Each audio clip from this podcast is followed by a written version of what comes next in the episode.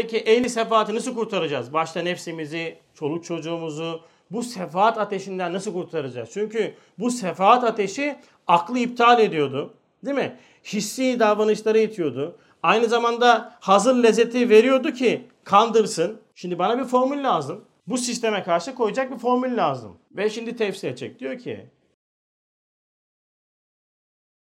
Euzu billahi mineşşeytanirracim. Bismillahirrahmanirrahim. Elhamdülillahi rabbil alamin. Salatu ve selamu ala Resulina Muhammedin ve ala alihi ve ashabihi ecmain ala Resulina Muhammedin. Salavat. Allahümme salli ala seyyidina Muhammedin ve ala ali seyyidina Muhammed. Evet hoş geldiniz. Konumuz sefaten kurtulma çareleri. Üçüncü dersimiz. İlk derste sefaatin kaynakları nelerdir onu konuşmuştuk. İkinci derste sefaatin zararları, özellikleri ve zararları nelerdir onu konuştuk. Bu derste de teşhis tanı yapıldıktan sonra tedavi sürecine geçeceğiz. Yani e, bu sefaat ateşinden nasıl kurtuluruz? Bu zamanda özellikle her yeri saran, maddi manevi olarak bize çok ciddi zarar veren, toplumsal olarak bize zarar veren, ailesel olarak bize zarar veren sefaatten kurtulma çarelerini konuşacağız. Kur'an'ı bir tabir olan sefaatin çarelerini bu asrın Kur'an tefsiri olan lisanlar üzerinden anlamaya çalışıyorduk. Birinci nokta çare olaraktan önemli bir yöntem ve Kur'an'ı metot bize anlatacak burada. Bu zamanda korkutmak yerine Risale-i Nur'un Kur'an'da almış olduğu bir derste yap, uyguladığı bir formül, bir metot. Yani korkutmak yerine günahlar içerisinde, sefahatler içerisinde, zahiri lezzet içinde ve sonrasındaki elemi göstermek. Yani korkutmaya dayalı değil de nefsi iknaya dayalı bir metot. Özellikle bu zamanda çok önemli bir gereksinim. Üstad bunu iki yerde şöyle izah ediyor ki Kur'an-ı Hakim'in sırrı icazıyla Kur'an'ın bir mucizevi yönüyle diyor ki hakiki bir tefsir olan Risale-i Nur bu dünyada bir manevi cehennemi dalalette gösterdiği gibi ne yapıyor? Dalalette. Neyi gösteriyor? Manevi cehennemi gösteriyor. Şimdi hidayet ve dalalet kavramları Kur'an-ı Kerim'de çok zikredilir. Ve biz aslında sürekli şekilde hidayet ve dalalet üzerine gidip geliyoruz. Yani sabit değiliz. Yani ehli iman olduk, şehadet getirdik, kelimeyi şehadet getirdik ve iman sahasına girdik. Daha da buradayız şeklinde bir algılamaktan kurtulmamız lazım kendimizi. Çünkü bu korunmuşluk zırhına büründüğümüzde imana dair çalışmadan hiçbirini yapmıyoruz ve yapmadığımız gibi ibadetle kendimizi şişirmeye çalışıyoruz. Temelleri sarsılmış, temelleri sürekli şekilde hasar gören, darbe gören bir binanın dış süsleme yapılması gibi oluyor bizim işimiz.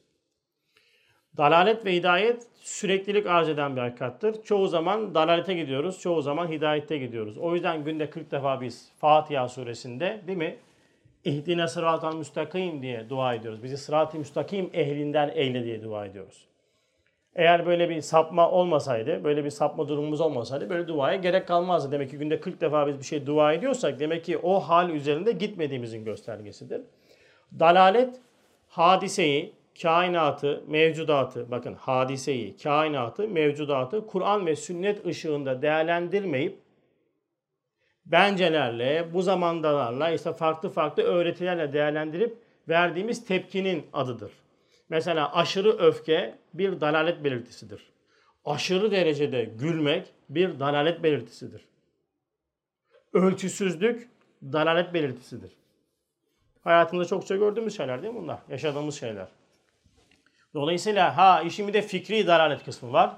Mesela aşırı gelecek kaygısı, aşırı derece rızık endişesi dalalet ve şeydir, e, belirtisidir. Eğer bunlar dünyamızda çok canlıysa biz dalalet boyutundayız. Bu fikri boyutu. Bir de dalalet kısmının günah boyutu var Allah muhafaza. Böyle e, ciddi büyük günahlara girdiğinde insan o ehli dalaletin fiil boyutunu da işlemiş oluyor. O yüzden Risale-i Nur bu zamanda bize ehli dalaletin bu dünyada manevi cehennemini gösteriyor. Yani ötelerde ötelerde karşılaşacağımız bir azabı azaba bırakmıyor meseleyi. Burada da hissettiriyor ve diyor ki sen kendini ciddi analiz ettiğinde, insaniyetini ciddi analiz ettiğinde bu dünyada da sen dalaletinin yani Kur'an'dan ve sünnetten mahrum bırakmış olduğun görüşünün, yaşantının, hissiyatının, fikriyatının, fiiliyatının faturasını burada da ödeyeceksin diyor. Ödüyorsun diyor. Dikkat et. Bu dünyadaki manevi cehennemi dalalette gösterdiği gibi şimdi ikinci boyut imanda dahi bu dünyada manevi bir cennet bulunduğunu ispat ediyor. İmanda da bu dünyada cenneti bize veriyor. Ha biz görüyor muyuz derseniz ayrı mesele tabi. Maalesef Baskiyer'de onu söylüyor. Ehli sefaat diyor, ehli dalalet. Dalaletinin şeyini tam görmediği gibi, o cehennemi halini tam hissetmediği gibi ehli hidayet de hidayetinin işte imanının semeresini bu dünyada bu dünyada maalesef tam olarak hissedemiyor. Gaflet basıyor diyor. Şimdi normalde e, ehli hidayet olarak zahirde bizler Müslüman olarak normalde ne olması lazım? Manevi bir cennet içinde olmamız lazım. Öyle miyiz? Maalesef. Değiliz yani. e, evlerimizden başlayın, haleti ruhiyemizden başlayın, yaşantımızdan başlayın, ticaretimizden bakın. Cuma hutbesinde ticaret vardı. Ticaretimize bakın. Ehli hidayet olarak, ehli İslam olarak maalesef bu e, minvalde yaşamıyoruz. Yani manevi cennet ne cenneti yani? Cehennemin dibini, dibinde yaşıyoruz. Kavga, dövüş, huzursuzluk, ondan sonra boşanma davaları almış başını gidiyor. Psikolojik problemler almış başını gidiyor. Ama sorsak huzur İslam'da diye ondan sonra slogan atıp dururuz yani. Ondan sonra deseler ki siz hangi dine mensupsunuz? Vallahi bilmiyorum. İslam zannediyoruz ama e, huzur nerede? Yok. Yok hükmünde yani.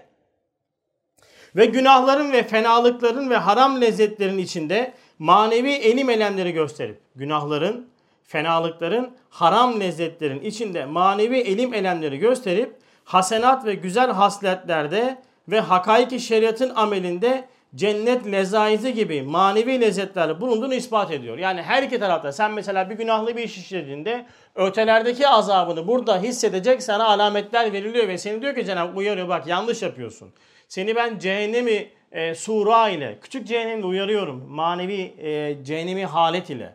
Mesela birisinin hakkında gıybet yaptığında, birisi hakkında feyanlık düşündüğünde, su yüzan ettiğinde, e, mesela adavet ettiğinde, düşmanlık beslediğinde, kin beslediğinde, haset beslediğinde sen bunun manevi azabını dünyanda yaşıyorsun zaten. Bak sana bu manevi azabı veriyorum ki büyük cehennemden kendini muhafaza et. Cenab-ı Hakk'ın rahmetindendir.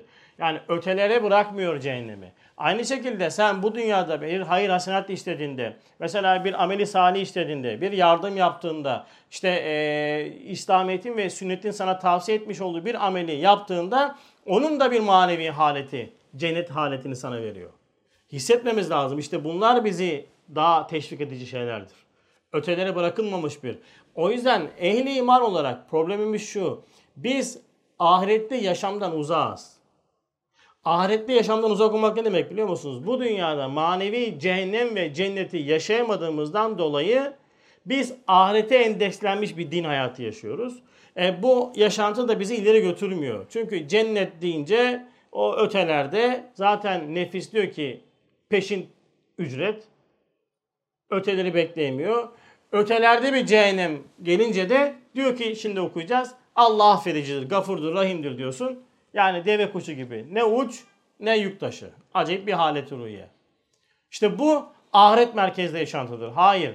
Ahirette yaşantı ve neticede ahiret merkezli yaşantı olacak. Yani bu dünyada ahirette yaşayacaksın. Yaptığın fiilde, hissiyatında cenneti ve cehennemi burada müşahede edeceksin. Kendini muhafaza edeceksin. Hatta hemen bitişinde bunu hissedersin kendini analiz ettiğinde. Sonra bunun devamı olan ahiret seni bekliyor.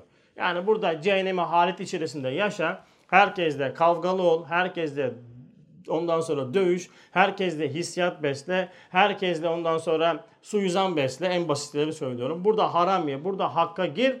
He, sonra bu dünyada ben böyle ahiretlere cennet. He, olur. Yani öyle bir şey yok yani. Bunu bilelim. Yani Ali Salih diyarına gitmiyoruz yani. Öyle bir dünya. Buranın ektiğini orada biçeceksin.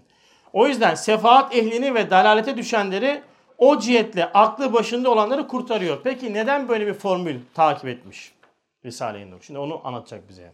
Diyor ki akıbeti görmeyen bir dirhem hazır lezzeti ileride bir batman lezzetlere tercih eden hissiyatı insaniye akıl ve fikre galebe ettiği ettiğinden ehli sefaati sefaatten kurtarmanın çare yeganesi. Bakın bu zaman özelliklerini saydı. Bir, akıbeti görmeyen. İki, bir dirhem hazır lezzeti ileride bir batman lezzetlere tercih eden hissiyatı insaniye. Ha demek ki ben eğer hissiyatı insaniye merkezli yaşarsam ne demek bu? Beden merkezli yaşarsak yani akıl, gadap ve şehvet merkezli yaşadığımızda bizim nefsimizin yapacağı yegane şey hislere göre hareket etmektir. Daha önceki derste ifade ettiğimiz gibi bakın hissi davrananın dini davranışı olmaz. Çünkü hissi davranışlar hormonal yapıya bağlıdır. Bugün çok sevinirsin, orantısız işler yaparsın. Yarın kızarsın, yine orantısız işler yaparsın. Çok seversin, göklere çıkartırsın. Sonra çıkardığını da bir hareketle de bir vaziyette de aşağı indirirsin. Bizim vaziyetimiz şu anda yani. Sevdiğimizi çıkartıyoruz tepelere, sonra alıyoruz aşağı indiriyoruz. Niye çıkardın, niye indirdin? Arası yok. Bütün ilişkilerde acayip zigzaklar var. Niye? Çünkü akıbeti görmediğimizden dolayı hazır lezzete talibiz. İlişkilerimizi, muhabbetimizi, alışverişimizi hep hazır lezzete bina ediyoruz. Bu sefer de ne oluyor? Bir batman lezzet alıyorsun ya, o lezzet uğruna her şeyini feda ediyorsun. Akıl ve fikir geride kalıyor. E şimdi insanın aklı ve fikri geride kaldığında his devreye girdiğinde bu hisle, hevesle senin her şeyi yaparsın. Önde ölçü olmaz. Durduramazsın. Çünkü hormonal yapıyı durduramazsın. Onu tetikleyen birçok etken var. Hal böyle olunca şimdi biz peki ehli sefaati nasıl kurtaracağız? Başta nefsimizi, çoluk çocuğumuzu bu sefaat ateşinden nasıl kurtaracağız? Çünkü bu sefaat ateşi aklı iptal ediyordu. Değil mi? Hissi davranışları itiyordu. Aynı zamanda hazır lezzeti veriyordu ki kandırsın. Şimdi bana bir formül lazım. Bu sisteme karşı koyacak bir formül lazım. Ve şimdi tefsir edecek. Diyor ki ve yestehibbunel hayatet dünya.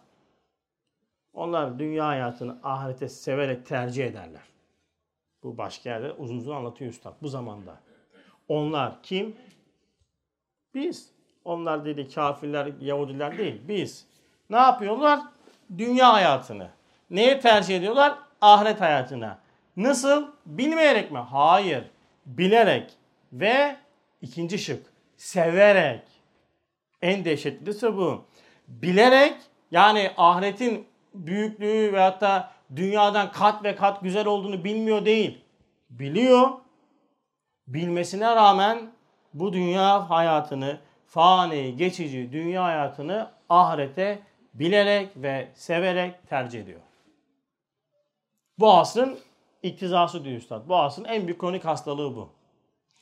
Şimdi bu ayetin işaretiyle bu zamanda ahiretin elmas gibi nimetlerini, lezzetlerini bildiği halde dünyevi kırılacak şişe parçalarını onlara tercih etmek, ehli iman iken ehli dalalete o hubbu dünya ve o sır için tabi olmak tehlikesinden kurtarmanın çare yeganesi. Bakın bu zamanda ne yapıyormuş ehli iman? Özellikle Müslümanlar bizler ahiretin elmas gibi nimetlerin lezzetlerini biliyoruz. Fakat dünyevi kırılacak şişe parçalarını onlara tercih ediyoruz. Elmasa tercih edilir mi şişe ya? Değil mi? Edilmez yani normalde mantık dışıdır. Elmas mı şişe mi? Yani mesela yukarıda kavanoz kırın şişe. Yanında da elmas var. Ne dersiniz böyle bir ticarete? Ahmaklık dersin ya yap, yapan insana. Hayatımızın genel perspektifine baktığımızda emin olun ki hayatımızın her anında bu şişe elmas alışverişini biz yapıyoruz. Elması veriyoruz, şişe alıyoruz. Elması veriyoruz, şişe alıyoruz. Ya bu nasıl olur? Olur. Mesela aşırı en basitleri dünyamızda hep yaşadığımız şeyleri bilerek örnek veriyorum. Ee, ki büyüklerini siz artık hesaba katarsınız. Mesela küskünlükler ve dargınlıklar. Normalde 3 gündür. Doğru mu? 3 günden sonra akıl devreye girer. Kişi kendi kusurla yüzleşir. Hatalarını anlar ve der ki kardeşim tamam. 3 gün, 5 gün, eh, seneler ne yaptın? O menfi hissiyatın o menfi hissiyatın şişe hükmündeydi. Barışman, kusurunla yüzleşmen, kendine kusur görüp mümin kardeşine barışman o fiil elmas hükmündeydi. Şişeyi tercih ettin, elması bıraktın. Elması bıraktın. Mesela biraz daha büyüttüm çıtayı. Dünyevi bir kazanç uğruna faiz. Oranı ne olursa olsun. Önemli değil. Yani Cenab-ı Hak faizin günah oranını e, almış olduğunuz faizin yüzdesine göre belirlemiyor. Bunu bilin. Yüzde iki, yüzde bir, yüzde üç, yüzde beş hiç önemli değil. Faiz faizdir. Şimdi böyle bir tercih yapacağım. Mesela bir şey yapacaksın. Tabii dünya sana teklif sunuyor. Diyor ki e, bak şunu alırsan bu olur. Bunu al işte. Bunu alman için de tabii senin şey yapman lazım. Faize girmen lazım. Şimdi cam parçası hükmünde faizi tercih ediyorsun. Elmas hükmündeki ahireti feda ediyorsun. Bak bir tanesi. Biraz daha yakınlaştıralım. İşte medreseye gelmen, hizmet sahasında olman elmas hükmündeyken cam parçası hükmündeki çok cüzi ondan sonra maleyani sayılabilecek ve hatta meşru dairede artık meşruya girerken şer yapmış olduğun rahat düşkünlüğün yüzünden şişeyi tercih ettin, elması bıraktın. Bak hep seçim yapıyoruz. O yüzden yestehibbunel hayatet dünyalel ahire ayeti. Yani onlar bilerek ve severek dünya hayatını ahirete tercih ederler ayeti hayatımızın her anında sürekli şekilde bizim yaptığımız bir alışveriştir. Bunu ötelere bakmayacağız. Burada kendimize bakacağız. Ne yapıyoruz? Evde otururken ne yapıyorsun? Neyi tercih ediyorsun? Ne yapıyorsun? Hissiyatına bak. Neyi tercih ediyorsun? Neyi feda ediyorsun? Sürekli şekilde yaptığımız bir alışverişin adıdır bu. Her an. Şimdi hal böyle olunca bundan nasıl kurtulacağız kardeş? Ben bundan kurtulmam lazım. Bu beni bitirecek. Çünkü akıl devre dışı, his devrede bana peşin bir şeyler veriyorlar. E his de baskımız akıl devre dışı kalıyor. Benim bir şeyden bunu kurtarmam lazım. Çünkü günahlara gireceğim. Özellikle genç kardeşlerimiz de var değil mi? Onların potansiyeli daha yüksek. Hepimizde var ama yani gençlik hissiyatı daha taşkındır bu noktada. E, günahlara girme ihtimali çok fazla. E nasıl kurtaracağız? Çoluk çocuğumuz var bu ateş içerisinde. Ne yapacağım? Bir şey yapmamız lazım. Bir ders vermemiz lazım. Neslimize de bunu böyle söylememiz lazım. Bir şey anlatmamız lazım. Bak yani o işte cehennem var, yanacaksın, edeceksin şeklindeki ifadeler bu zamanda abiler olmuyor, kurtarmıyor. Ciddi bir tahkik iman eğitimiyle bir şeyleri nazara vererekten yapmamız lazım bunu. Şimdi bakın bu formülü verecek. Diyor ki bu dünyada dahi cehennem azabı gibi elemleri göstermek de olur. He diyor ki bu dünyada cehennem azabı gibi elemleri göstersen diyor o insana. Öteleri bırakma işi. Yoksa bu zamandaki küfrü mutlakın, fenden gelen dalaletin ve sefaatteki tiryakinin inadı karşısında bakın nereden geliyormuş bu zamanda? Küfrü mutlak, fenden gelen dalaletin, sefaatteki tiryakilik. Sefaatteki tiryakilik. Sefaati ilk derslerde ifade ettik. Çok geniş bir tabir. Sefaat tabiri. Yani küçük olarak algılamayın. Muvakkat eğlencelere sarf edilen, muvakkat eğlencelere sarf ettiğimiz zamanlar da sefaattir. Ve şu anda çoğumuz bu sefaatin tiryakiliyle baş başayız. İspat ekran sürelerinize bakabilirsiniz.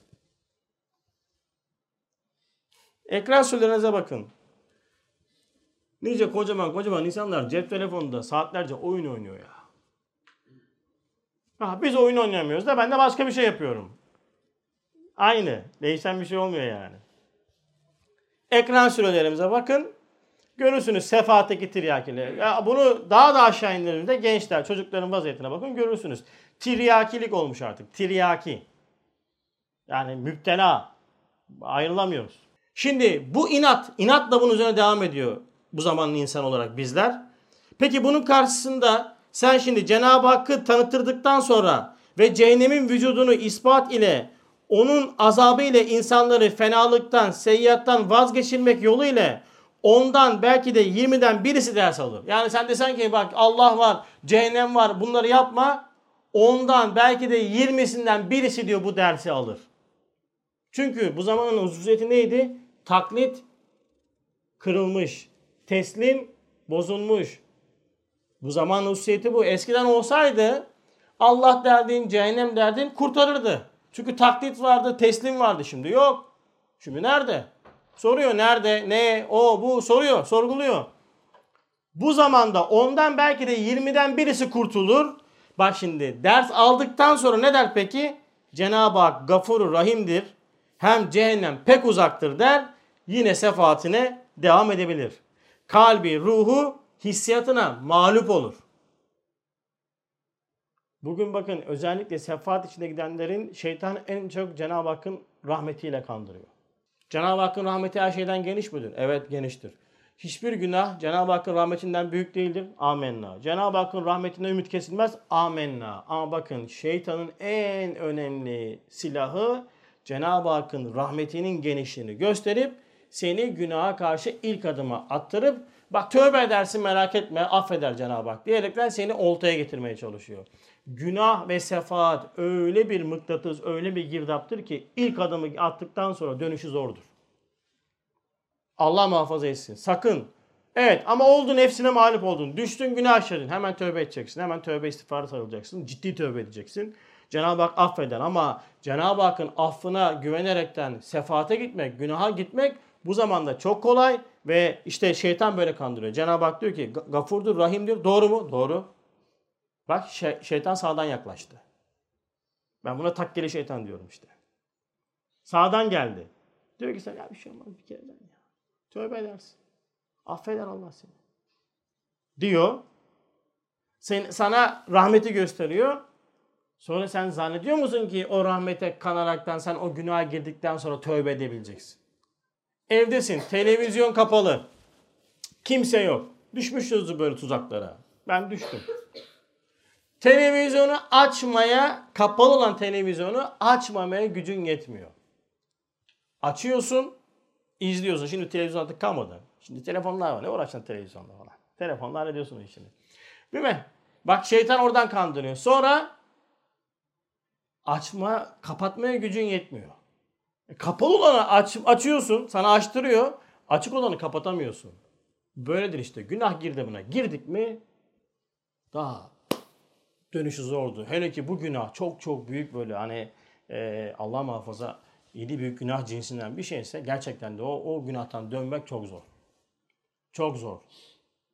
O yüzden böyle Allah gafurdur, rahimdir der. Hem cehennem çok uzaktır der. Ne yapar? Cehennem uzak. Zaten ben tövbe ederim, affeder beni diyerekten ne yapıyor? Günahın içinde bu zamanda devam ed- e, girmeye devam ediyor. Kalp ve ruhu sükut ediyor. Onu dinlemiyor. İşte Risale-i Nur ekser muvazeneleriyle küfür ve dalaletin dünyadaki elim ve ürkütücü neticelerini göstermekte.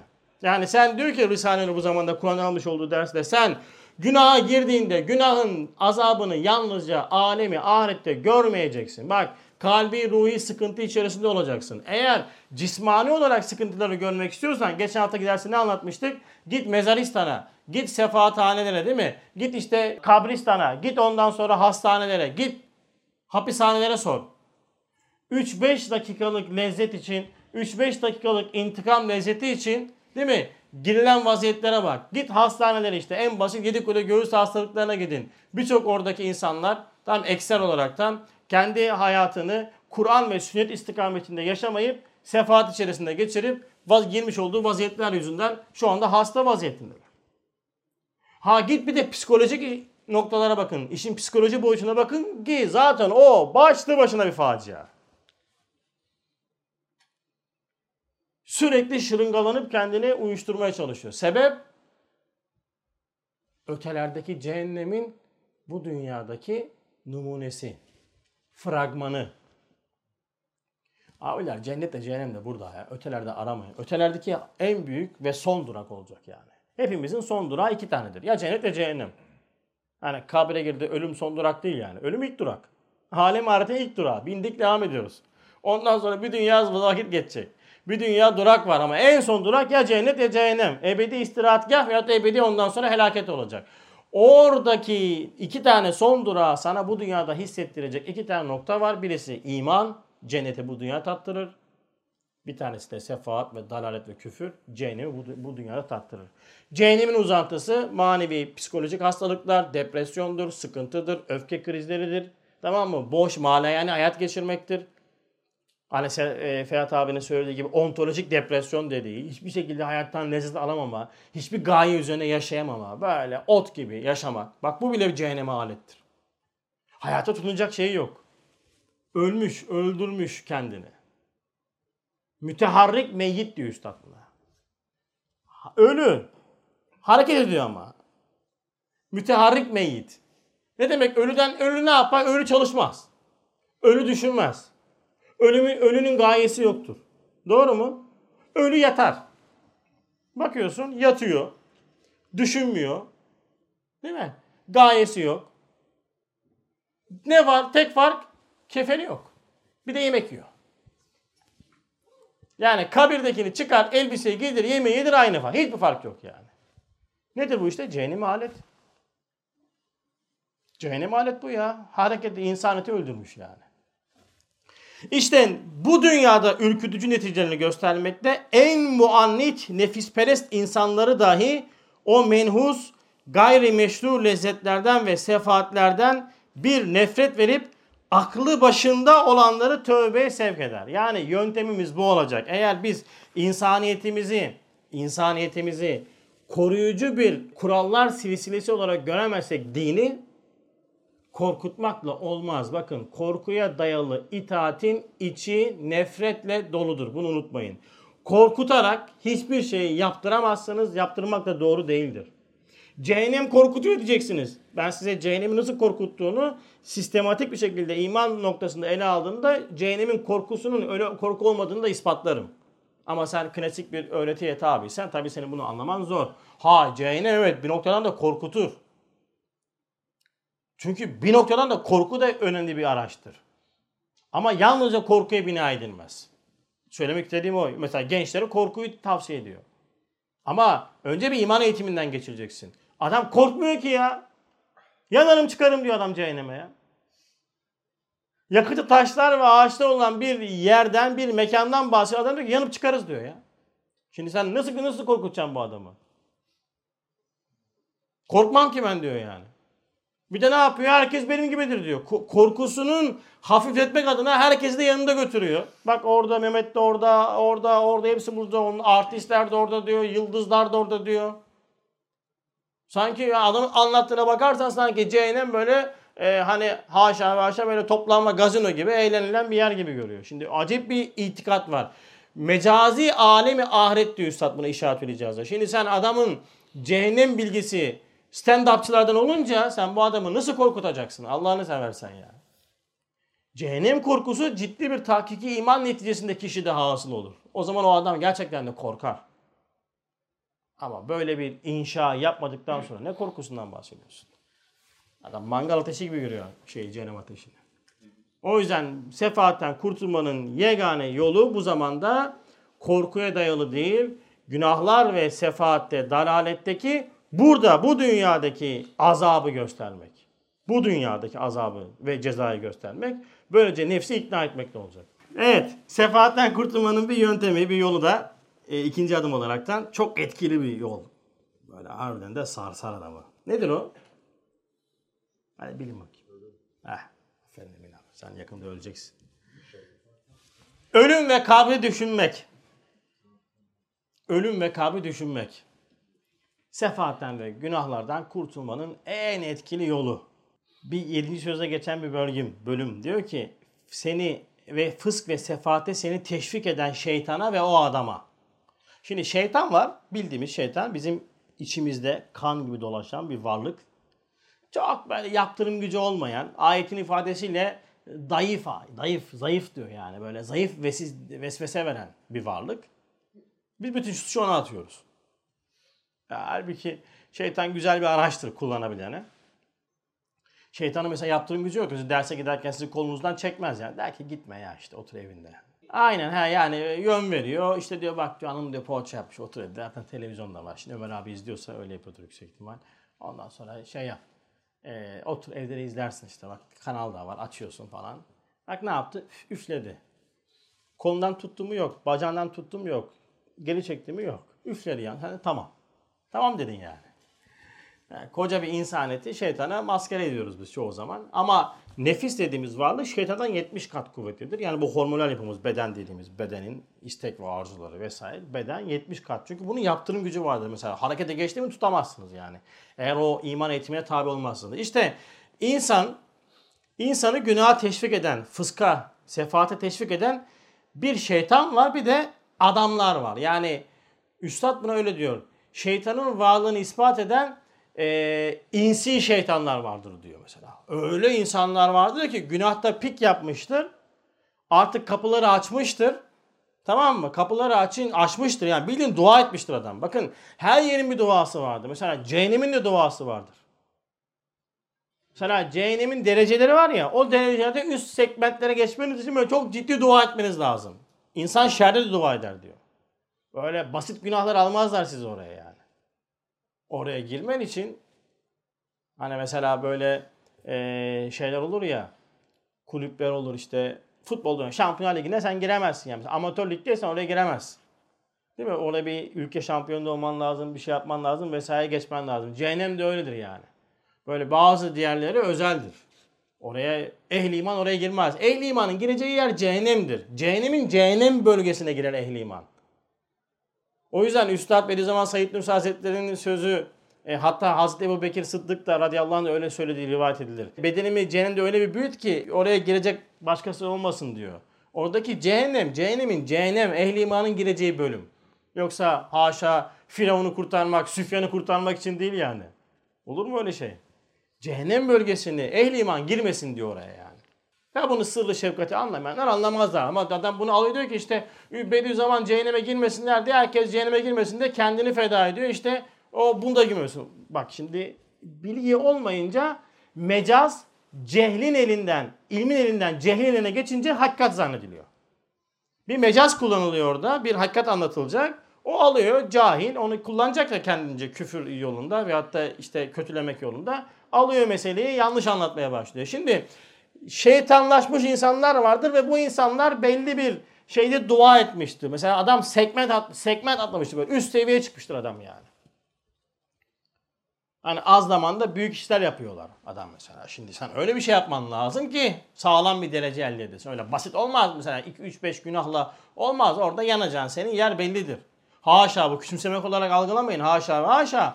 En düşük derecesini ayet anlatıyor. En düşük derecesini anlataraktan en büyük azabı senin aklına havale ediyor. Azıcık azap değse diyor aya şeye anlatıyor böyle. Azıcık azabı anlatıyor. Diyorsun ki azıcık azap böyleyse bak hemen ne yapıyor? Hani azlığı te- ifade eden sen söyle azıcık azabı anlatıyor sen bakıyorsun öyle bir anlatıyor ki dehşetli. Oo diyorsun azı böyleyse değil mi? O hemen sen aklını kullan. Mesela bunu Kur'an-ı Kerim başka ayette de kullanır bu temsili. Mesela Ha yani o, o, o tür işte. Yani azı anlatırken bu az böyleyse sen çoğu düşün. Mesela Kur'an-ı Kerim anne baba hakkında da bunu çok şey yapıyor, e, ifade ediyor ayette. Onlara diyor of bile deme. Şimdi bak ayet ne kadar enteresan. Of bile deme. İnsanın en ufak bir sıkılganlık belirtisi nedir? Of'tur. Ya mesela Emre bana bir şey yaptı ama of be Emre abi be canımı sıktın. Bu of bile deme diyerek sana diyor ki Kur'an-ı Kerim ben sana bu iki varla anne babana of deme izni vermiyorum.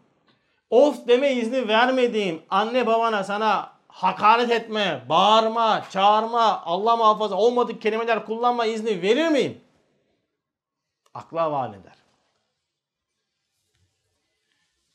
Böyle yani dikkat edeceğiz. Şimdi dolayısıyla o büyük yerlere gelmek için dua etmiştir. Artık adam adeta şeytan olmuştur. Bak şeytan bunların karşısında önünü ilikler. Çünkü şeytanın yapacağı bütün işleri yapan adam. Mesela siz buraya gelmek için kendi nefsinizi ikna ediyorsunuz. Bazen birilerini getirmeye çalışıyorsunuz ya. Adam getiriyorsunuz değil mi? Gel abi derse gidelim. Hayır da yarışıyorsun. Adam var mesela gel diyor bu akşam eğlenelim her şey benden. Bak bendensin diyor ya. Gideceğiz buradan diyor şuraya bunu yapıyor bak ben hiç de masrafa gerek yok. Var öyle adamlar yani. Bak işte şeytan ve adam etrafımızdaki insanlara çok dikkat edeceğiz. Bakın kişi arkadaşının dini üzerinedir. Din yaşamdır. Seni nereye götürüyor arkadaşın? Ya en yakın arkadaşlarınızın 5'i sizin hayatınızın ortalamasıdır. 5 tane en yakın arkadaşınızın hayat düşüncesi, hayat tarzı, hayat yorumlaması, gayeleri üzerine hayatı yaşarsınız. Dikkat edin o 5 kişi. O 5 kişi zaten siz olacaksınız. 5 kişinin ortalaması. Ha böyle adamlarsa bunlardan uzak durun. Uzak durun ya. Hemen uzak durun. Çünkü bak ne dedi şeytan ve o adama dersin. Seni teşvik ediyor. Gel eğlenelim gel gel. Diyeceksin ki eğer mesela etrafında bir adam var. Diyor ki ya kardeşim ot gibi yaşıyorsun. Din, diyanet falan. Yeter bu sohbetler muhabbetler. Gel bu akşam bir gece sabahlayalım.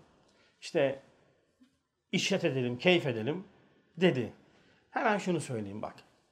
Eğer ölümü öldürüp zevali dünyadan izale etmek, ayrılıkları dünyadan izale edecek, acizi ve farklı beşerden kaldırıp kabir kapısını kapamak çaresi varsa şöyle dinleyelim. Bunları yapabilecek misin? Ölümü öldürebilecek misin? Zevali yani bu dünyadaki yakan, insanı yakan ayrılıklar ki biz onu hissetmiyoruz ayrı mesele de. Şimdi güz mevsimi mesela bahar e, artık bitti yaz bitti. Güz mevsimine geldik. Güz mevsimi insaniyetin en hassas dönemidir. Ama tabii bizim yani maalesef kendi nefsinden başlayarak söylüyorum böyle karpuz kantarı gibi olmuş hissiyatlar biz bunu hissetmiyoruz yani. Yaprak dökülüyor. Nerede ama yaprak dökülmüş bana ne yani. Çıkarken sevinmedim ki dökülürken üzüleyim. Çıkarken sevindiniz mi? Ya oh bahar geldi herhalde gezeriz falan diyoruz biz hemen. Öyle hani haşırdır, neşirdir, bilmem nedir yok ki. E sonra dökülür, dökülürse dökülür. Hatta ağaç yaprakları dökülüyor, etrafı kirletiliyor adam ağacı kesiyor yani. Adam, bu acayip bir benlik merkezli yaşayan bir toplum haline yani insan oldu. Şimdi ben bu bu kadar e, gabi bir hissiyatta bir adamın dinle ne nasıl bir ilişkisi olabilir ki yani? Ya olmaz. O hissiyat olmaz. Zevali hissetmezsin ama kabiri kapayıp, kabir kapısını kapayıp, zevali dünyadan izale etmek, acizi ve fakri beşerden kaldırıp kabir kapısını kapamak çaresi varsa söyle, yoksa sus. Yoksa sus. Yoksa hiç muhabbet etmeyelim. Bak kabir bekliyor. Olsun ya beraber beraber eğlenip şey yaparız. Ne diyor? Hem deme herkes benim gibidir. Herkes sana kabir kapısına kadar arkadaşlık eder. Öyle öyle kanki manki falan işte ailenin falan diyenlerin çoğu bilin ki cenaze namazınızda kabre yaklaşmayacaklar. Aşağıda duracaklar. Bu zamanda sefahat ve dalaletin en önemli çaresi Efendimiz sallallahu aleyhi ve sellem'in ifade etmiş olduğu gibi ölümü çokça hatırlamaktır. Gerçekten de bakın böyle nefis bazen sizi zorladığında ki zorlar. Bir şeyleri böyle istediğinde ki ister aşırı şeyleri. Hemen oturun gözünüzü kapayın şöyle bir rabıtayı mevt yapın. Ehli tarikatın çok uyguladığı, üstadın da tavsiye ettiği rabıtayı mevt. Ama ben şimdi öldüm, kabre giriyorum değil. Nefis bunu yemiyor. Ben öldüm diyorsun, ölmedin ya, işte salondasın. Kabre giriyorum, yok diyor.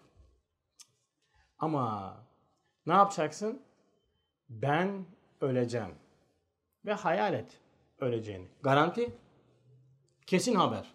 Hepiniz öleceksiniz. Vallahi bak. Yüzde yüz. Bak hiç şey yok. Hepimiz öleceğiz.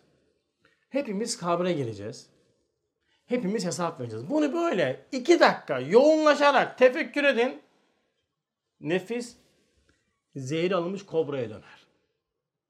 Bak nefsin en sevmediği şey ölümdür. Gerçekten ölümü karşı nefsin acayip dehşetli bir korkusu vardır. Ölümün pozitif psikolojik etkisi çok güzeldir. Kullanırsanız 10 numara becerebilirsiniz. Dargınlık kalmaz. Kırgınlık kalmaz. Dünyaya karşı hırsınız kalmaz. Hepsini sıfırlar. Mesela iki gün sonra öleceksin ya. Ben Hüseyin'e dargınım. Hüseyin gelse beni ziyaret. İki gün sonra öleceğim ben. Gerçekten de kalbim tefessü etmemişse Hüseyin'le ben barışma yapmam yani. Hoş geldin derim. Görüşürüm. Ki ben şahitim yani nice böyle ölüm döşeğindeki insanlar Tamam mı? E, iyice küskün insanlar gittiler, görüştüler, beraber fotoğraf çekildiler, paylaştılar. Hatta böyle fotoğraf Facebook'ta paylaşmıştı bir tane el hizmet bir abi. Bir abiyle problem vardı biliyorum ben o abiyi de. O abi de gitmiş âli cenaplık yapmış. O abiyi ziyaret etmişti. O abi iki ay sonra vefat etti. Sonra abi gitti onun fotoğrafını aldı, paylaştı. İşte bilmem kaç senelik dostluğumuz vesaire bilmem ne. O iki, iki ay öncesinde, üç ay öncesine kadar konuşmuyorlardı bunlar he. Ne oldu? Ne değişti? Mevzu bitti mi? Hayır. Ne değişti ya? Ölüm hakikati değişti. Ortaya çıktı. Hayata bakış açısı değişti. Ebedi ve sabit zannediyordu. O yüzden çok kavi hissiyatları vardı. Bir baktı ki ne ya? Değmez bir şey ya ondan sonra. Barıştılar. Mesela dünya karşı aşırı hırsınız varsa böyle öfkeden böyle hani hırstan böyle deli gibi koşturuyorsanız her şeyi feda ediyorsanız ölüm hatına getirin. İki ay sonra ölece iki gün sonra, iki ay sonra öleceğiniz hatına getirin. Sabah koşturur musun? O kadar çok. Hattı geçer misin? Yok. Şunu alayım, bunu alayım, niye alamadım der misin? Yok. Niye? Zaten iki ay sonra gideceğim ya. Kimin iki ay garantisi var? Kimin garantisi? Var mı ayını garanti yaşayacak olan? Ya, anın garantisi yok. E anın garantisi olmayan bir dünyada, ölümün bu kadar zahir olmuş olduğu bir dünyada, bak bu kadar zahir olmuş olduğu bir dünyada, bu kadar kırgınlık, bu kadar dargınlık, bu kadar hırs, bu kadar günahlara nasıl giriyoruz? Bakın problem şu. Dünya yalan sözüne olan inancımız yalan. Çünkü bir bilgi kalbe sirayet etmezse, akılda kalırsa kalbe sirayet etmeyen bilgi o kişi fiillerini düzeltmez. O kişinin fiillerini düzeltmez. Bugün dünyanın fani olduğunu, yalan olduğunu hepimiz biliyor muyuz? Biliyoruz. Fani ve geçici yalan dünya için çok büyük kırgınlıklarımız yok mu? Var. Çok büyük hırslarımız yok mu? Var. Günahlara girmiyor muyuz? Çok rahat giriyoruz. Neden? Çünkü dünyanın yalan olduğuna, dünya yalan sözüne inancımız yalan bizim. Çünkü sabitlememişiz. Tahkiki iman eğitimine tabi tutmamışız. Slogan olmuş. Dünya yalan dünya. Yalan dünya. Ancak cenaze görünce aklına geliyor. O yüzden ölüm çok büyük bir nimettir. Efendimiz sallallahu aleyhi ve sellem ne buyuruyor? Lezzetleri tahrip, acı, e, e, tahrip edip acılaştıran ölümü çok zikrediniz. Buradaki lezzetler nefsin peşin aldığı lezzetlerdir. Bakın şu lezzetler tarif olmaz.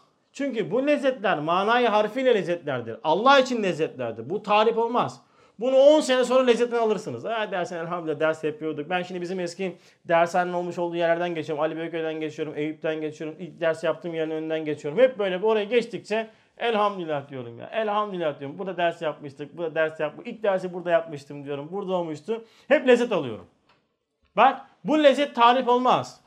Ama lezzet dediği nefsin peşin lezzettir. Mana ismi olan lezzettir. Bu lezzetin tarif olması lazım çünkü bu lezzet le- lezzet değil.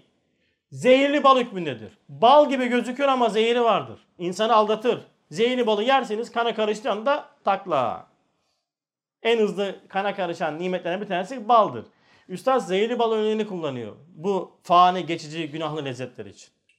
O yüzden ölüm balyozunu sağlam indireceğiz. En az günde 20 defa ölümü tefekkür etmemiz lazım. 20 defa. Ama böyle ölüm var ölüm var papağan gibi değil. Veyahut da işte Muhammed Hoca ölüm var ha. İşte Ahmet ölüm var ha deyip herkese ölüm hatırlatıp kendin ebedi kalacak gibi hep Fatiha okuyacak gibi zannetme kendini yani.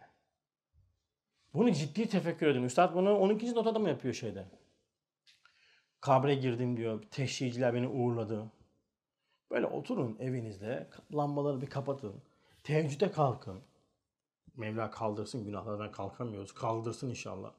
Böyle e, sen söyle bir dışarı çıkın. Şehir ışıklarına pek bunu yapma imkanımız yok ama hani hasbel kadar o gecenin karanlığında sessizlik, yalnızlık orada tefekkür edin. Bak görün ne kadar etkili oluyor.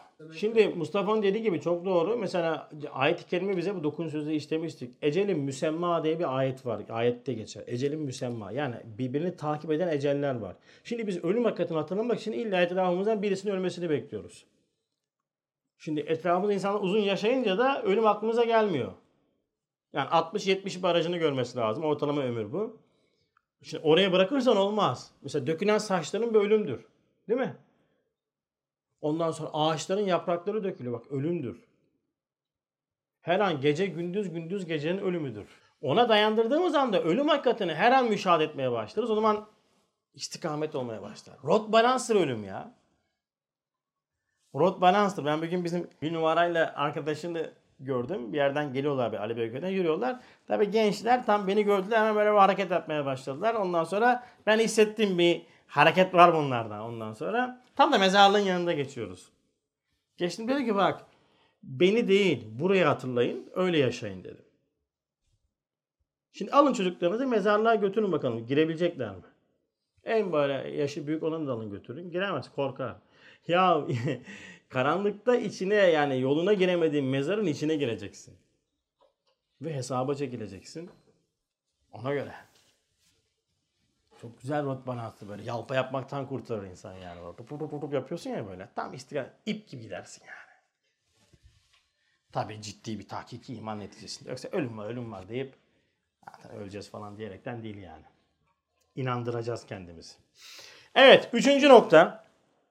Sefaatten kurtulmanın bir noktası. Tekalifi şer'i yapmak. Tekalifi şer'i ne demek? Şeriatın bana teklif ettiği emirler var. Onları yapmamız lazım ki sefaatten kurtulalım. Bununla ilgili diyor ki o ehli dalalet sefaate girmiş, sefaate tiryaki olmuş, sefaate mani olan tekalifi şeriyeyi yapamıyor. Sefaate mani olan tekalifi şeriyi yapamıyor. Şimdi burası önemli. Şimdi bakın biz Kur'an-ı Kerim'in emir ve yasaklarını lezzet alma mekanizmamızın önündeki engel olarak görüyoruz. Çocuklarımıza haram helali de böyle anlatıyoruz biz. Yani mesela şunu bir Allah muhafaza bir lezzet var diyelim. Bu lezzeti almama engel benim din. Bugün birçok insanın dinden uzak yaşamasının esbabı budur. Dini dünyanın karşısında bir engel olarak görür. Çünkü dünyaya ulaşması için dini atlaması lazım. Lezzet alması için dini atlaması lazım. Siz diyor mesela Aa, diyor, ot gibi yaşıyorsun sen diyor ya. Hep sohbetler işte kitap oku. Bu ne ya diyor. Hayat mı bu diyor ya.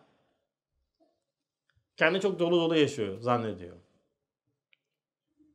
Şimdi haramla helal neler, nelerdir? Haram ve helal. Tekalif-i. Bakın Kur'an insanın en değerli yapısı olan ruhu muhafaza eder. İnsaniyetin en değerli yapısı ruhtur.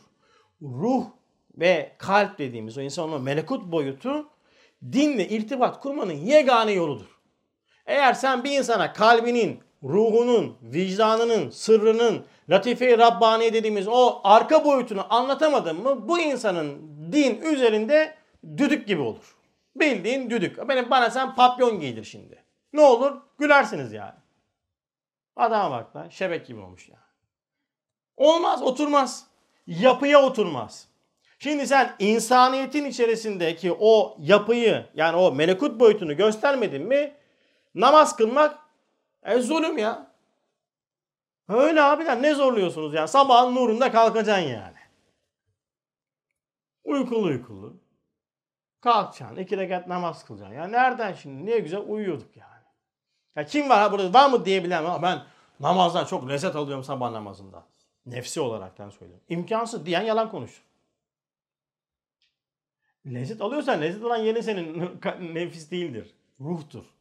O yüzden kalkıyorsun ayrı mesele. Çünkü ruh kainatla ilişki kurduğunda her an mahiyetine, insanın mahiyetine baktığında azif farklı görür. Kainatla ilişki kurduğunda her şey olan ihtiyacını hisseder. Her şey olan ihtiyacının karşılayacağı yegane kaynak Cenab-ı Hak'tır. Ya her şeye kulluk edecek ya da bir şeye kulluk edip her şeye sahip olacak. O yüzden namaz, ibadetler ruhun ihtiyacıdır. Zorunluluktur, zorlama değildir. Yanarsın, bak kılmazsan böyle olur, nankörsün sen falan. Bak bunlara girme. Böyle sesi yükselterek, tonajı artırarak, hakaretvari ifadelerle namaza başlatamazsınız. Namaz inşası gerekiyor. Tesettür inşası gerekiyor. Oruç inşası gerekiyor. Önce inşa edeceğiz. Fikren inşa edeceğiz. Sonra fiil gelecek. Biz ne yapıyoruz? Fiil baskısı yapıyoruz. Ha çocuklarımızın inşaya olan ihtiyacının da farkına varacağız. Biz bunun da farkında değiliz. Bugün anneler maalesef en çok benim böyle çok dikkatimi çeken bir nokta. Üstad buna 24. lemada çok bahsediyor. Oğlum paşa olsun der, hafızlık mektebinden alır, Avrupa'ya gönderir diyor. Ben Avrupa'ya göndermiyorum ki. Avrupa ne ya? Avrupa ülke değil ki, Avrupa kıta değil ki. Avrupa bir fikir. Sen çocuğuna din eğitimindeki hassasiyetini gösterme, din eğitiminde hassasiyet göstermen gerekirken bunu göstermiyorsun. Çocuğunu alıyorsun okula gönderiyorsun ki gönder. Göndermen lazım. Fakat o okulda gösterdiğin hassasiyet dinde yok. Çocuğun hareketine bakıyorsun. Oturuşuna bakıyorsun, kalkışına bakıyorsun, yemek yiyişine bakıyorsun, tamam mı? Tavırlarına bakıyorsun. Ya resmen ecnebi gibi ya. Ecnebi bildiğin ecnebi. Al bir tane Hristiyan çocuğunu getir aynı vaziyetler. Annede tık yok. Babada tık yok. Namaz yok. Din eğitimi yok. Ama okul deyince uuu aman Allah'ım. Seferberlik ya. Nasıl gitmezsin? En iyi okul. Kendi götürür, alır getirir. Ne oluyor? Maneviyat sahasında boş bıraktığın çocuk okuyor. Okuyor ama onu yaratan Rabbin adıyla okumadığından dolayı ne anaya saygısı kalıyor, ne babaya saygısı kalıyor, ne topluma faydası kalıyor. Olmadık hale giriyor. Aynı vaziyet. Bakın bu zamanı söylüyorum. Etrafımızda bakın çocuklarımızın vaziyeti bu vaziyette. Allah aşkına dikkat edelim yani. Ben söylüyorum, anlayı ifade ediyorum. Çocuklar hakkında eğer bir arkadaşım bize bir tavsiyede bulunuyorsa bunun üzerine damar olmaya gerek yok arkadaşlar. Böyle bazı tipler vardı böyle. Çocuklarını böyle koruma altına almıştır. Ellettirmez, laf söylettirmez böyle. Put yapmış onu böyle. Menat gibi, uzza gibi tamam böyle. Acayip bir şey. Söyletmez. Ben Allah için söylüyorum kardeşim bak bu vaziyet böyle. Söylenen Allah razı olsun. Gelsin söylesin bak senin çocuğunda bu var, benim çocuğumda bu var. Söylesin ya. Bilelim, düzeltelim. Düzeltmemiz lazım. Nasıl olacak bu iş? E sonra sen bu çocuğa nasıl ibadet yaptıracaksın abi? Çocukta hiçbir din şey yok ya. Nasıl yapacaksın? Teşekkürünü nasıl sokacaksın bu çocuğu? Namazı nasıl kıldıracaksın Allah aşkına ya? Kıldıramazsın ki imkansız. Avrupa bugün işte okullar. Materyalist eğitim okullarda. Dinsiz eğitim okullarda. Alın ders kitaplarını inceleyin görün. Bunları uydurmuyorum. incelediğim için biliyorum yani. Alıyorsun, okula gönderiyorsun. Gönder ama Rabbini öğretmeden okula gönderiyorsun. Ne Rab tanıyor, ne baba tanıyor, ne ana tanıyor. Sonra bu inşayı yapmadıktan sonra çocuklardan biz fiili bekliyoruz. Annenin kendisi yalan konuşur, çocuğuna yalan konuşma der. Babanın kendi kötü alışkanlıkları var, sigarası var, zeyi var, sigara kullanma der. Ne kadar faydalı olur? Bir portföy var mı? Yok. Anne babanın fikir inşası yok ki çocukta fikir inşası olsun. Tutturmuşum bir gidiyorsun ezberlerle. Onu böyle yapma, bunu yapma, bunu yapma. Veyahut da din öğretimi yapacak. Gönderiyor hafızlık mektebine. Veriyor içeri. Diyor ki tamam benim işim bitti. Ben hafızlık eğitimine verdim. Ben artık daha yapacağımı yaptım. Yani yürü git ne yapacağını yaptın sen. Sen bir şey yapmadın ki. Sen okula gönderdin. Yükü attın üzerinde. Şu andaki okulların maalesef din eğitimi adı altında ve okulların çoğunda bizim anne babaların bu yaklaşımı vardır. Gönderdim hafızda adam olmadı bir türlü. Senden Cenab-ı Hak hafız yap demiyor ki çocuğunu. Öyle bir ayet var mı? Çok büyük bir mertebe. Mevla hepimize nasip etsin. Ama senin oraya göndermekle vazifen bitmiyor. Takip edeceksin. Çocuk ne yapıyor, ne okuyor, vaziyetine, haline bakacaksın. Ve baskıyla değil, inşayla. Bak bu böyle olursa böyle olur. Bak bunu böyle yaptığın için böyle oluyor. Şöyle yap, diyalog kur, diyalog. Konuş, konuş babam. Ama konuşman için bilgi lazım. Önce kendini donatman lazım. Çocuk iki tane soru sorsa anne babalar pert kalır ya. Ne ki? Hep bütün gün televizyon izleyen anneden ne çıkacak? Bütün gün Instagram'da video izleyen anneden ne bilgi çıkacak yani? Oradan da Nihat Hatipoğlu'nun videolarını izletir çocuğa işte. Bak ne güzel ağlıyor görüyor musun? Olay bu. O yüzden sefatin e, tekalifi şer'iye kişi sefahatten uzak tutar. Mesela namaz insanı kötülükten alıkoyar. Hadis-i şerifi buna bakar. Bugün kötülükten alıkoymuyor bir de namazlarımız. Yani birçok kötülükten alıkoymuyor. Veyahut da ara ara düşüyoruz. Demek ki namazda problem vardır. Namazda problem varsa iman eğitiminde problem vardır. Sen namazı yalnızca fiile dökmüşsen, ritüelleştirmişsen, içini doldurmak için uğraşmamışsan namazı kılarsın her türlü altı da yersin. Çünkü fikir ve fiil lazım. Sen ne yaptın? O yüzden ayet ne diyor bakın. İllellezine amenu ve aminu salihat. İman edip salih ameller işleyen diyor. Biz böyle yapıyoruz dini. Alıyoruz böyle çeviriyoruz tamam mı? İllellezine amenu salihat ve amenu. Önce salih amel sonra iman. Olur mu ya? Fikrini düzeltmediğin, inşa etmediğin birisinin fiilini düzeltemezsin. Bilin bunu. Fıtrat kanunu. Uygularsın uygulamasın ayrı mesele. Sefahat önündeki en önemli engellerden sefaati engelleyecek çaresi en iyi çare nedir? Tekalif içeriği yapmak ama nasıl yapmak? İçini doldurarak yapmak. İçi boş. Şu anda fiil merkezli bir Bakın İslamiyet ibadet dini değildir ha. Ubudiyet dinidir. Ubudiyet farklıdır, ibadet farklıdır. Namaz kılmak ibadettir. Namazın içeriğindeki şuur ubudiyettir. Sen mesela aczini, fakrını, noksanını, kusurunu anlarsın. Secde, kıyam, rükû, sucud bütün bunların anlamının ifadesidir. Sen bunu anladıktan sonra haram, helal çok dikkat edersin. Kul hakkı yemezsin. Ondan sonra çünkü aczini anlayan bir insan başkasına zulmedemez. Ha bunu yapıyorsan senin namazın ibadettir. İbadetin çok önemi olmaz. Ubudiyet lazım bize. Abd olduğumuzu göstermemiz lazım. Tesettür. Bakın şu anda tesettür ibadet olarak yapılıyor. İbadet ama ibadet bile değil artık yani. Saçma sapan bir şey. Bakıyorsun ne yapıyor bu ne, nasıl bir şey? Tamam takmış bir şey kollar kısa kol dolaşıyor. Bu ne ne yapıyorsun sen yani bakıyorsun lan neresini düzelteceksin bunun yani. Bakıyorsun bir tesettür yapmış diyor ki bizim cemaatin tesettürü böyle diyor. Lan cemaatin tesettürü mü olur ya? Allah Allah cemaat din mi ya? Biz diyor böyle bağlıyoruz. Niye öyle bağlıyorsun? Biz diyor böyle bağlıyoruz. Bizim cemaat böyle. Oğlum sen cem senin cemaatin din mi? Tesettürün ölçüsü böyledir. Şer'i ölçü vardır. Nuri, nurcu, nurcuların ölçüsü yoktur. Veyahut da falancaların, hasancaların ölçüsü olmaz. İbadet olarak yapıyor. Yapıyor ama içi boş. Niye kapanmış, neden kapanıyor, tesettür nedir bilmiyor. İçi boş bırakılmış. Oruç. Aç kalıyoruz biz. Hadiste diyor ya nice oruç tutanların aç kalmak kalacak ellerine diyor.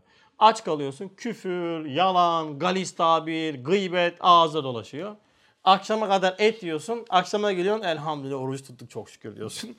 Yediğin etler manevi etler aleminde böyle olmuyor. Evet ibadet var ama ubudiyet yok. Ekle. O yüzden tekalif-i şehriyenin içerisini doldurmamız lazım. İbadet merkezidir. Ubudiyet merkezde yaşantı lazım. Ubudiyet merkezi yaşantı için de tahkiki iman eğitimi lazım. Öyle ilmihal bilgisiyle bu iş olmaz kardeş. Tamam. Son madde. İman kuvveti ve ibadet iştiyakı. Sefaatin önünde engel.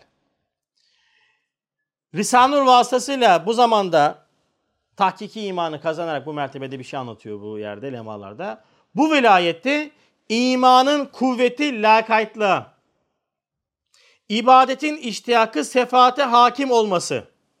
Burası önemli. Bakın ne dedi? İmanın kuvveti lakaytlığa, ibadetin iştiyakı sefaate hakim olacak. Yani iman taklitten tahkike geçtiği nispette kişide bir fikir inşası yapar. Bu fikir inşası kişide fiile dökülmeye başlar. Mesela imanın sağlamlığı nispetinde Allah'ın izniyle kişi önce dünya işlerinde ciddileşir. Sonra dünya işlerinin içerisinde din işlerinde de ciddileşir. İman ne kadar inkişaf ederse, bakın iman ne kadar inkişaf ederse ölçü din olmaya başlar. Dine göre yaşantı başlar.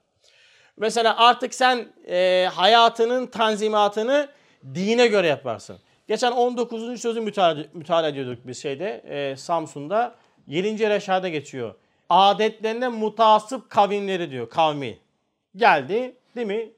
Risalet-i Ahmedi Aleyhisselatü Vesselam Kur'an'la getirilmiş olduğu nurla, şeriatla, Kur'an'la adetlerini mutasip olan o kavmi değiştirdi. Onlar adetlerini terk ettiler. Şimdi bakın iman zayıf olunca özellikle bizim göçmenlerde bu çok ben bunun çok sıkıntısını yaşadım yani. Allah taksiratımı affetsin. Gerçekten de affetsin yani. Çoğu zaman Kur'an'ın sünnetin atının önüne anayı koyduk, babayı koyduk, benceleri koyduk, e, toplumu koyduk. Allah taksiratımı affetsin. Samimane söylüyorum. Dinde, imanda bir insan tahkik olmadı mı, taklit olduğunda adetleri dinleşir, dini adet olmaya başlar. Bak adetleri dinleşir, din de adet olmaya başlar. Ya böyle şey mi olur? Olur. Adetler nasıl dinleşir? Şimdi bir adet var. Bunu yapmazsak olmaz. Ne derler? Olur mu ya? Bir tane kızım var, bir tane çocuğum var. İşte açılış yapacağız. Olur mu? Adet. Adet artık terk edilmez seviyeye gelerekten din olmuş. Din terk edilmez ya. Olmaz diyor. Şimdi ama bu adetler dine muhalif. Şimdi ne yapıyor? Dini terk ediyor. Din oluyor adet. Yani sen adetini terk etmen lazım din için ki dindar olasın. Adetini terk etmiyorsun, dini adet yapıyorsun, adetlerini din yapıyorsun. Oluyor bir şey. Acip bir şey. Nasıl bir şey? Garip bir şey. Sünnet yapıyor. Cumartesi hoppala hoppala hoppala. Yalla yalla. Pazar günü mevlüt okutuyor. Allah Allah. Ne yapıyorsun sen ya? Dün geceye sabaha kadar oynattın, hoplattın milleti, zıplattın. Allah muhafaza sünnet adı altında düğün yaptın. Düğünde bir dünyada alkol dağıttın. Bunu yaptın sen. Değil mi? Sen bunu yaptın, adetini din yaptın. Şimdi yarın da dönüyorsun, pazar günü mevlüt okutuyorsun. Bu nasıl bir iş abi yani? Nesini düzelteceğiz? İşte bu. Yani niye? Çünkü iman, iman kişide kavileştikçe lakayetin önüne geçer. Bakın abiler, lakayet adamlar dindar olmaz. İnsan lakayt olmayacak. Müslüman adam ciddidir. İşinde ciddidir. Yaşantısında ciddidir. Şaka ölçüsündedir. Her şeyden taviz vereceksin, dinden vermeyeceksin. Taviz tavizi doğurur. Bakın kapı eşiğini ayak koydurtmayacaksın. Sistem budur. Eğer bir tavizi verdiğiniz hizmet sahasında da böyledir bu. O yüzden kendi dünyamda hep bunu hep dua ediyorum. Koydurtmamaya çalışıyorum o ayağı. Çünkü biliyorum arkası gelecek yani. Çünkü şahsiyetle yaşadım bunları. Ayağı bir koydu mu kapıya tamam. Nasıl koyuyorlar kapıya biliyor musun? Önce senin kabul edeceğin bir şey söylüyor sana dine muhalif, muhalif daha az zararlı bir şey söylüyor. Sen diyorsun ki neyse hadi bunu kabul edelim. Bunu kabul ettikten sonra aşı, koydu mu kapıya ayağını? Bitti. Ondan sonra sen kendinle çelişmemek adına arkadan gelen daha üst seviyedeki tavizleri vermeye mecbur kalıyorsun. Bunun psikolojide ismi var. İs, ismini unuttum. Tefekkürümde vardır. Yazmıştım yani.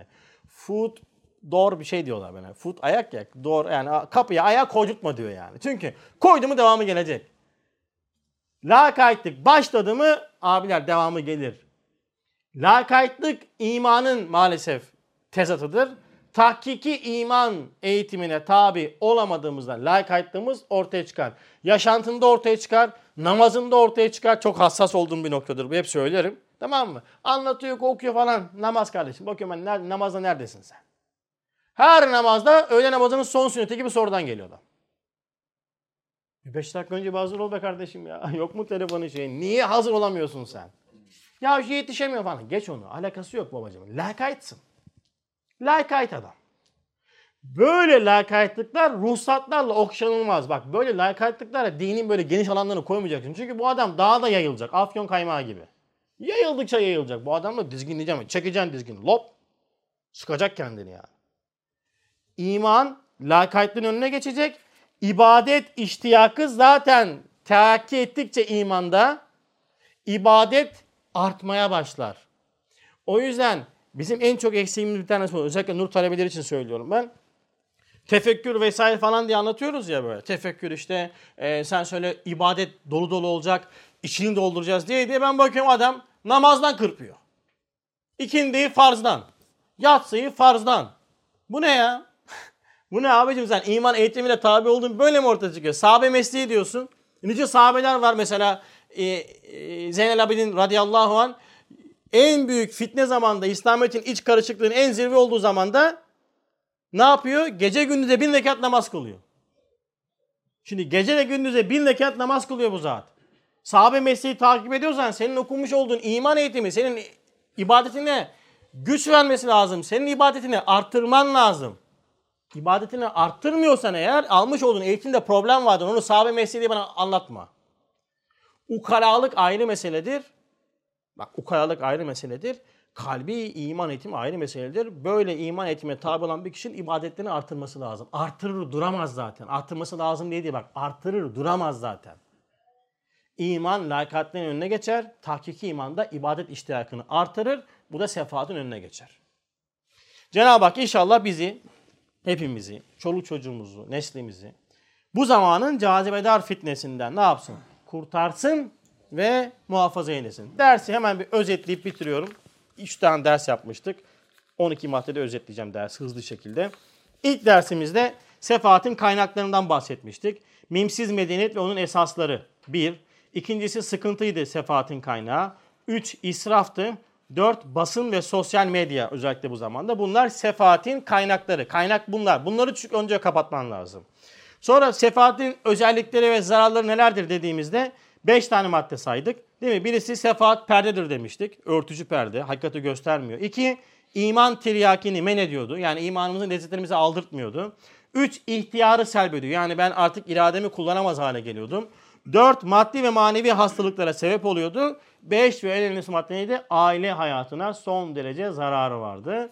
Sefaatten kurtulma çaresi olarak 4 tane madde saydık. Bir tanesi korkutmak yerine günahlar içerisinde, zahiri lezzet içerisinde e, ve sonrasında elemi göstermek, manevi cehennemi göstermek. E, ölümü ve kabri düşünmek. Üç, tekalif-i şeriye yapmak. Dört, imanı tahkiki hale getirip ibadet iştiyakını artırmak. Bu dört tane maddede sefaatine kurtulma çaresi olarak çıktı ortaya. İnşallah Cenab-ı Hak tesirini halk etsin diyelim. İnşallah haftaya görüşmek duasıyla. Subhaneke la ilme lena illa ma allemtena inneke entel alimul hakim ve ahiru davahum enilhamdülillahi rabbil alemin. El Fatiha.